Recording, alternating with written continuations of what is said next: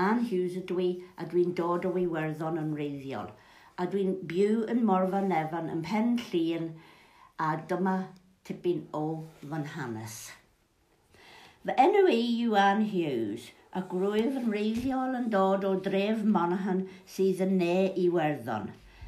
Fe syma dais i ddilyn pan oedd yn, yn 18 oed a threuliais rhan fwyaf o fy myd gwaith yn y ddinas.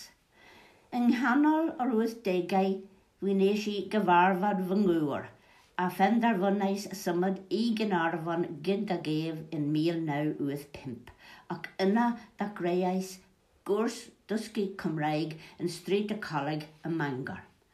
Roedd fy ngŵr Wyn yn y ddewis i mi ddysgu Cymraeg gan dwedodd nad oedd eisiau i'r iaith farw yr ein teulu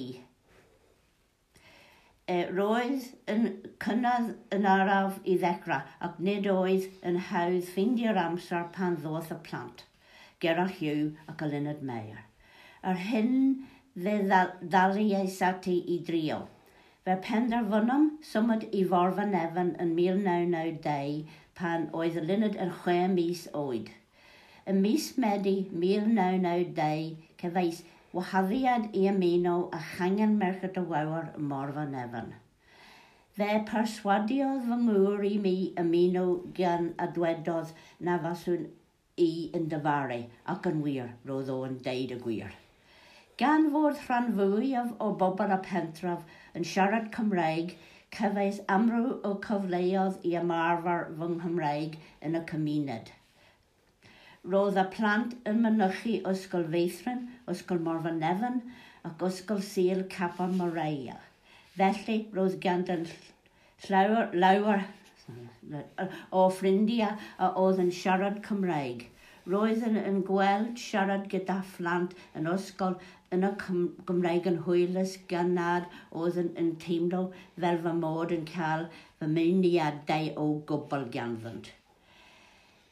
Mae fy mhlant hyd heddiw yn ogystal â fy wrys awel wyn yn siarad Cymraeg gyda mi.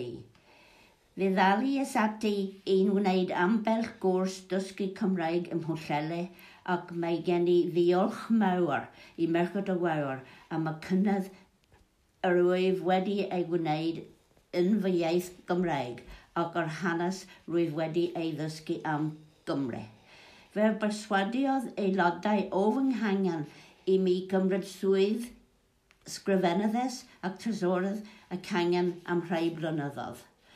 Cefais y cyfle gyda aelod arall o cangen Morfa Nefyn i fynd o amgylch canghennau eraill ym Mhen Llun a rhoi sgwrs amdano ei hunan ac, yn, ac ein profiad o ddysgu iaith.